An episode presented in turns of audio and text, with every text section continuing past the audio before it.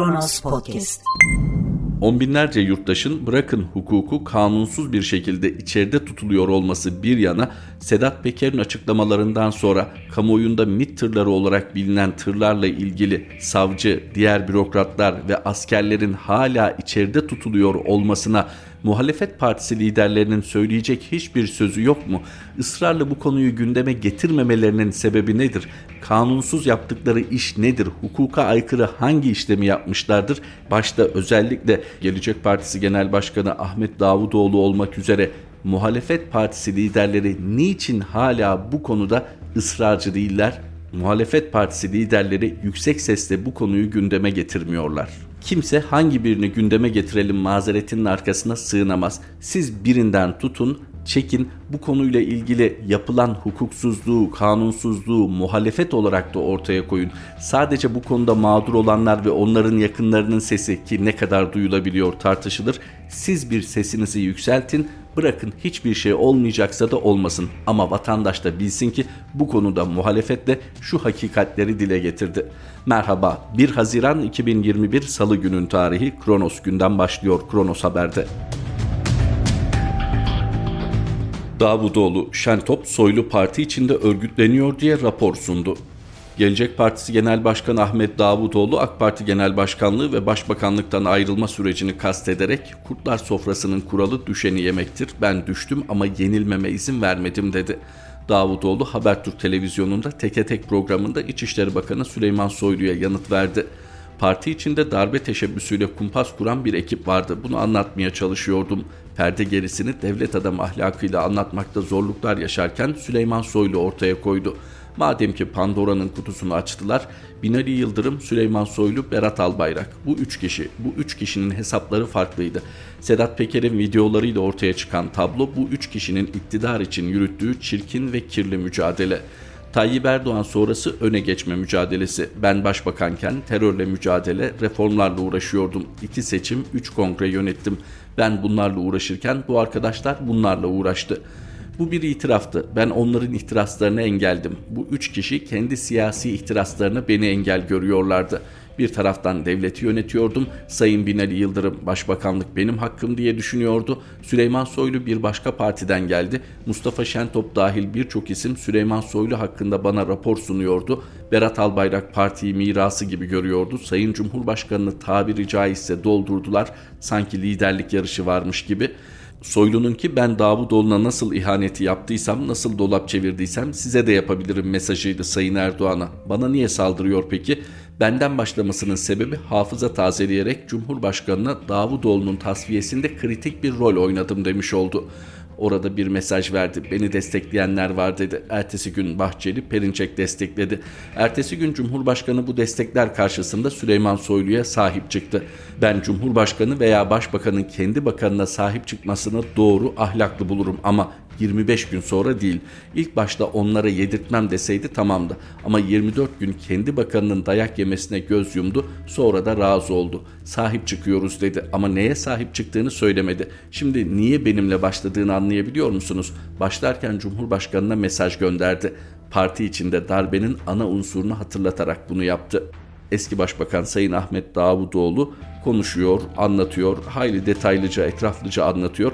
Fakat hep şu sorunumuz var. Siyasilerimiz nedense merkeze kendilerini koyuyorlar ve onun etrafında, kendi etrafında dönüp duran işlerde de hedefin hep kendileri olduğunu kabul ettikleri için bu varsayımla hareket ettikleri için hoş bu onlar açısından varsayım değil.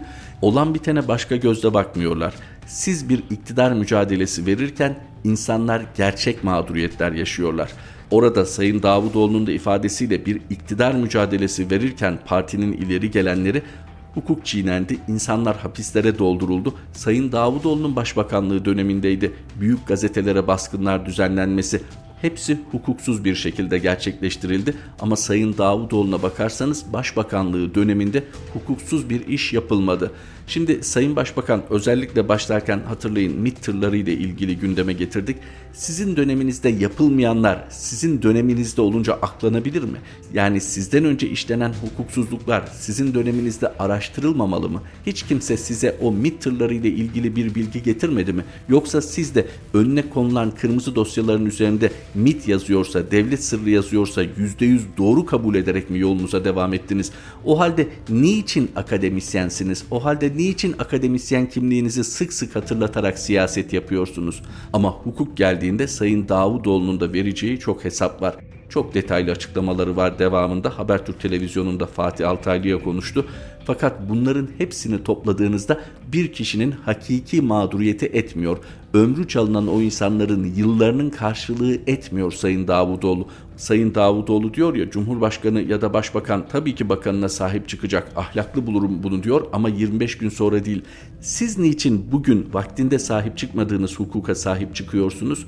Cumhurbaşkanı 25 gün sonra Süleyman Soylu'ya sahip çıkmış. Sahip çıkmak zorunda kalmış. Kesinlikle doğru. Bunların hepsinin arkasında bambaşka hesaplar olduğu ki öyle devlet sırrı değil tamamen iktidar odaklı hesaplar olduğu, tamamen aman bu kule yıkılır da altında kalırız hesapları olduğu doğru.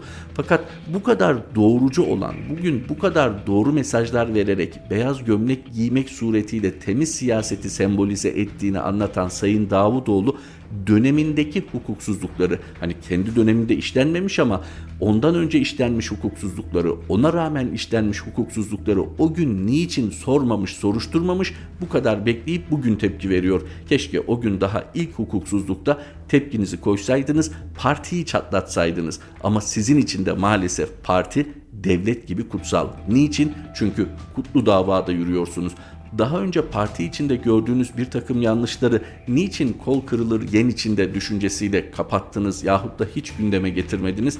Niye? Çünkü hain damgası yiyecektiniz, kutlu davaya zarar verecektiniz. Tekrar ediyorum, niçin o halde akademisyen kimliğinize bu kadar vurgu yapıyorsunuz? Yani bu kadar basit, bu kadar düz, bu kadar klişe ezberlerle yapacaksanız bu siyaseti niçin dava gibi büyük sözler ettiniz?'' O davaya bugün ne oldu? Dava aynı dava, ruh aynı ruh ama parti yani beden mi değişti? Yani bugün Gelecek Partisi mi o kutlu davayı taşıyacak liyakate sahip? Denilebilir ki iktidarı bıraktınız muhalefeti mi eleştiriyorsunuz? Muhalefet değil, dönemin başbakanından bahsediyoruz. Uzun yıllar parti içinde gerek danışman olarak, gerek bakan olarak, gerekse başbakan olarak bulunan bir isimden bahsediyoruz o günlerin hesabını vermeden bugün hukuki hesabını vermek mümkün değil. Ama o günlerin siyasi ve ahlaki hesabını vermeden kalkıp bugünkü yapıyı eleştirmek çok tutarlı olmayabilir. Çünkü farkındaysanız Sayın Davutoğlu da kendisine bir hamle yapıldığında işte en son Soylu'nun hamlesi cevap veriyor ve o şekilde bir takım deşifre edilen gerçekleri görüyoruz. Peki ancak kendi camına taş atıldığı vakit karşı tarafla ilgili kamuoyunun bilmesi gerekenler ortaya çıkıyorsa biz nasıl güveneceğiz yarın bazı gerçeklerin hala ortaya çıkmadığına? Temiz siyaset, şeffaf yönetim diyoruz ya bu şartlarda nasıl mümkün olacak? Biz Sayın Davutoğlu iktidara geldiği takdirde yine kutlu dava adı altında bir takım hakikatleri örtmediğinden nasıl emin olabileceğiz? Doğru bugün çok önemli tespitlerde bulunuyor. Ülkeyi Perinçek ve Bahçeli yönetiyor diyor. Soylu bugünü kurtarmakla kurtarmış olmaz diyor. Fakat bunların gerçekten bir anlam ifade edebilmesi için daha doğrusu bunların hepsinin alt alta toplandığında bir şeyleri değiştirebilmesi için Sayın Davutoğlu'nun Pandora'nın kutusunun açılmasını beklememesi gerekiyordu. Suriye konusunda hani diyor ya benim dönemimde kanunsuz bir işlem yapılmadı diye Peki Suriye'nin kuzeyindeki tartışmalı yapılarla kurulan ilişkiler bugün deşifre oluyor ya acaba ne zamana dayanıyor bu ilişkilerin kurulması? Biz bugün Sayın Davutoğlu'nun geçmişte davaya zarar verir düşüncesiyle açıklamadığı bir takım gerçekler olmadığını nereden bileceğiz? Özetle Sayın Davutoğlu gerek AK Parti içerisinde gerekse AK Parti dışarısında mevcut Türk siyasetinde önemli bir figürdür. Fakat artık Türk siyasetinin bir önemi kalmış mıdır? Sedat Peker ifşaatı üzerinden okumak lazım. Baybaş'ın Türkiye'de uyuşturucu trafiği bir devlet sektörüdür. Sedat Peker'in Kolombiya, Venezuela gibi ülkelerden getirilen kokainin Avrupa'ya taşınması işinde Türkiye'nin rolüne dair anlattıkları, Kolombiya ve Panama'da adresi Türkiye olan yüklü miktarda uyuşturucunun ele geçirilmesi, Türkiye'nin bir narko devlet olduğu iddiasını yeniden gündeme getirdi.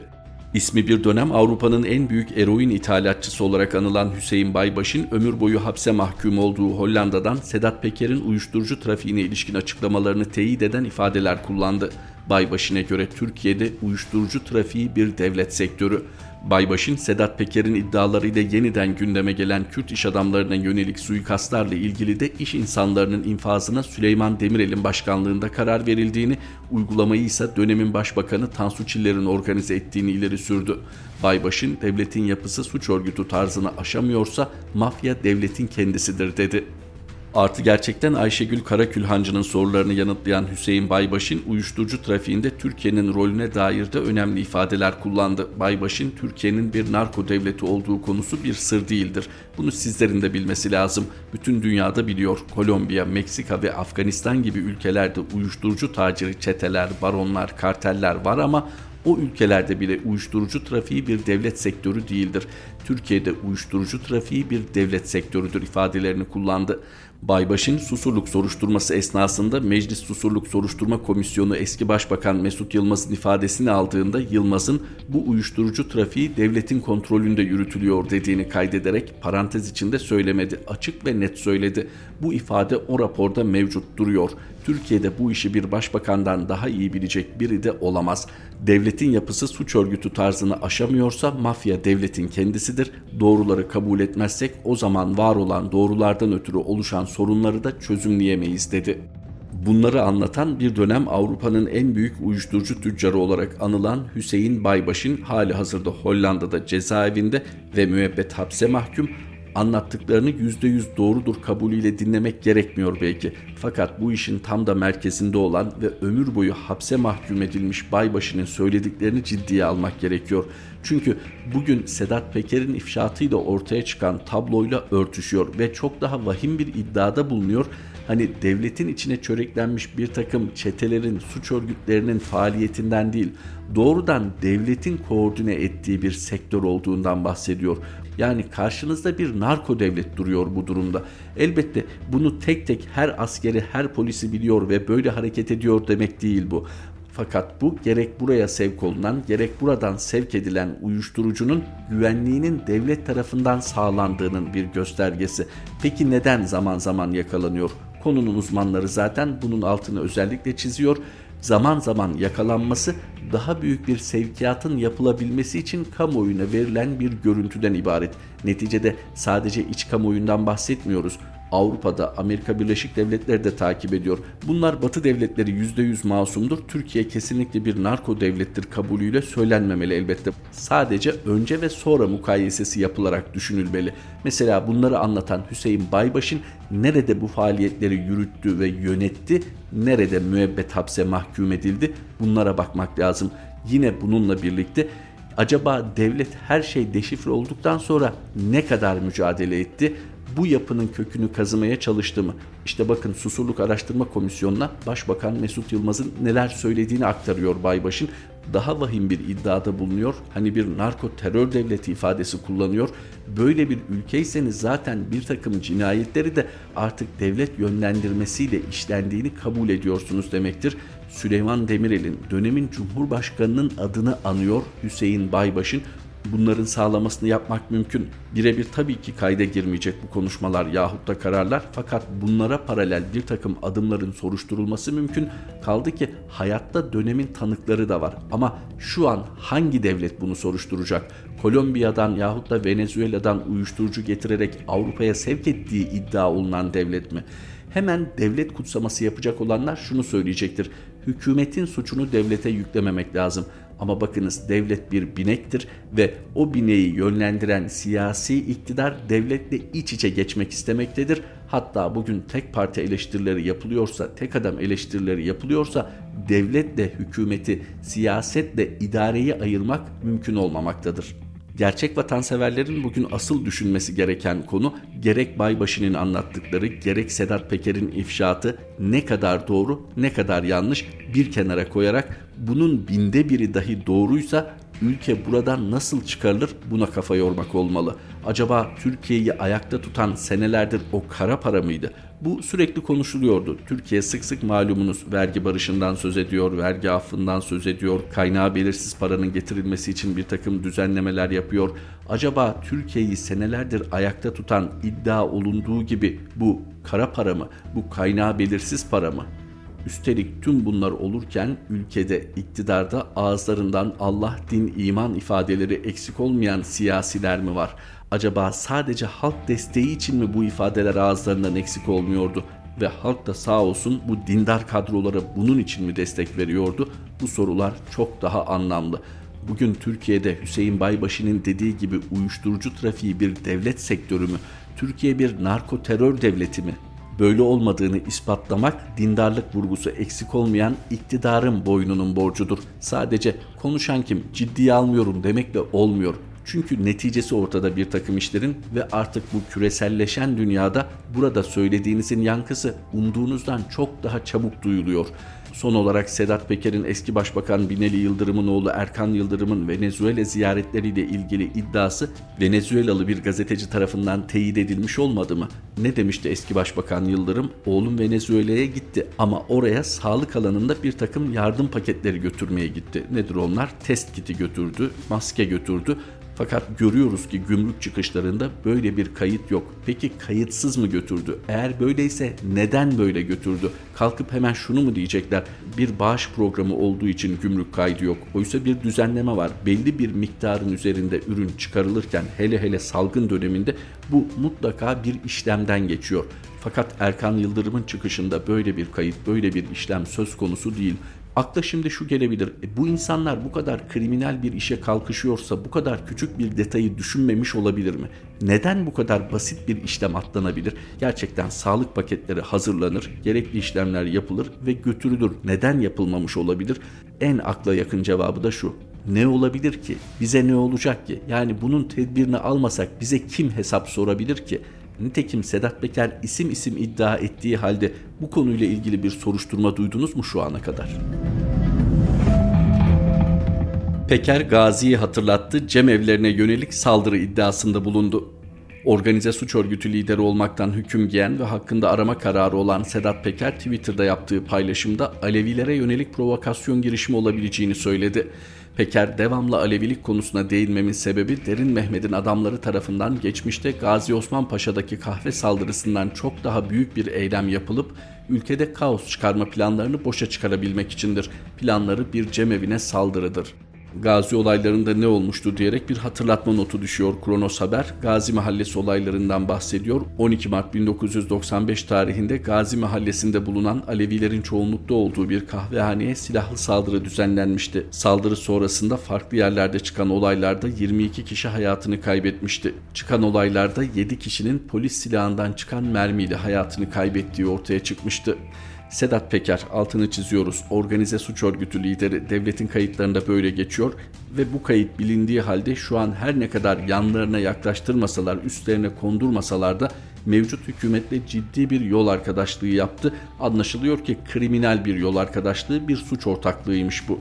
Fakat şu an ortaya attığı iddialar ne yalanlanabiliyor ne de hükümet tarafından araştırılabiliyor.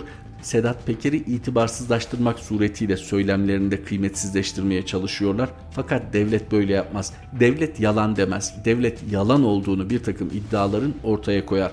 Şimdi Sedat Peker'in bu iddialarını ispatlamak çok kolay değil. Özellikle Derin Mehmet diyerek kodladığı Mehmet Ağar'ın adamlarının planladığını iddia ettiği bir Gazi Mahallesi benzeri olay kolay kolay ispatlanmayabilir. Fakat bunun kolay kolay da dile getirilmesi mümkün değil. Yani bunun bir istihbari ayağı olduğu, Sedat Peker'in bu bağlantılarının da canlı olduğu ortada sokak olaylarına dikkat çekiyor ve sokağa çıkmayın, oyuna gelmeyin çağrısında bulunuyordu Sedat Peker. Twitter'daki bu paylaşımıyla da adres veriyor. Tabii bu bir sonraki videosunda anlatacaklarını daha kıymetli hale getiriyor. Ancak yabana atılmaması gerektiğini en azından vurgulamamız lazım. Neticede burası İstanbul Emniyetinde yani sadece Türkiye'nin değil bölgenin de en önemli en büyük şehirlerinden birinin emniyetinde savcının odasının basıldığı bir ülke oldu. Polisler pelikan karşıtı sloganlar attı. Yani artık kriminal ilişkiler o kadar iç içe geçmiş ki insanlar alacakları cezayı umursamadan hatta bir ihtimal ceza almayacaklarına güvenerek savcı odası basabiliyorlar. Bunlar da polisler, devletin polisleri. Böyle bir ortamda asayişin bozulma ihtimalinden söz ediyor Sedat Peker. Gelin de yabana atın bu iddiayı.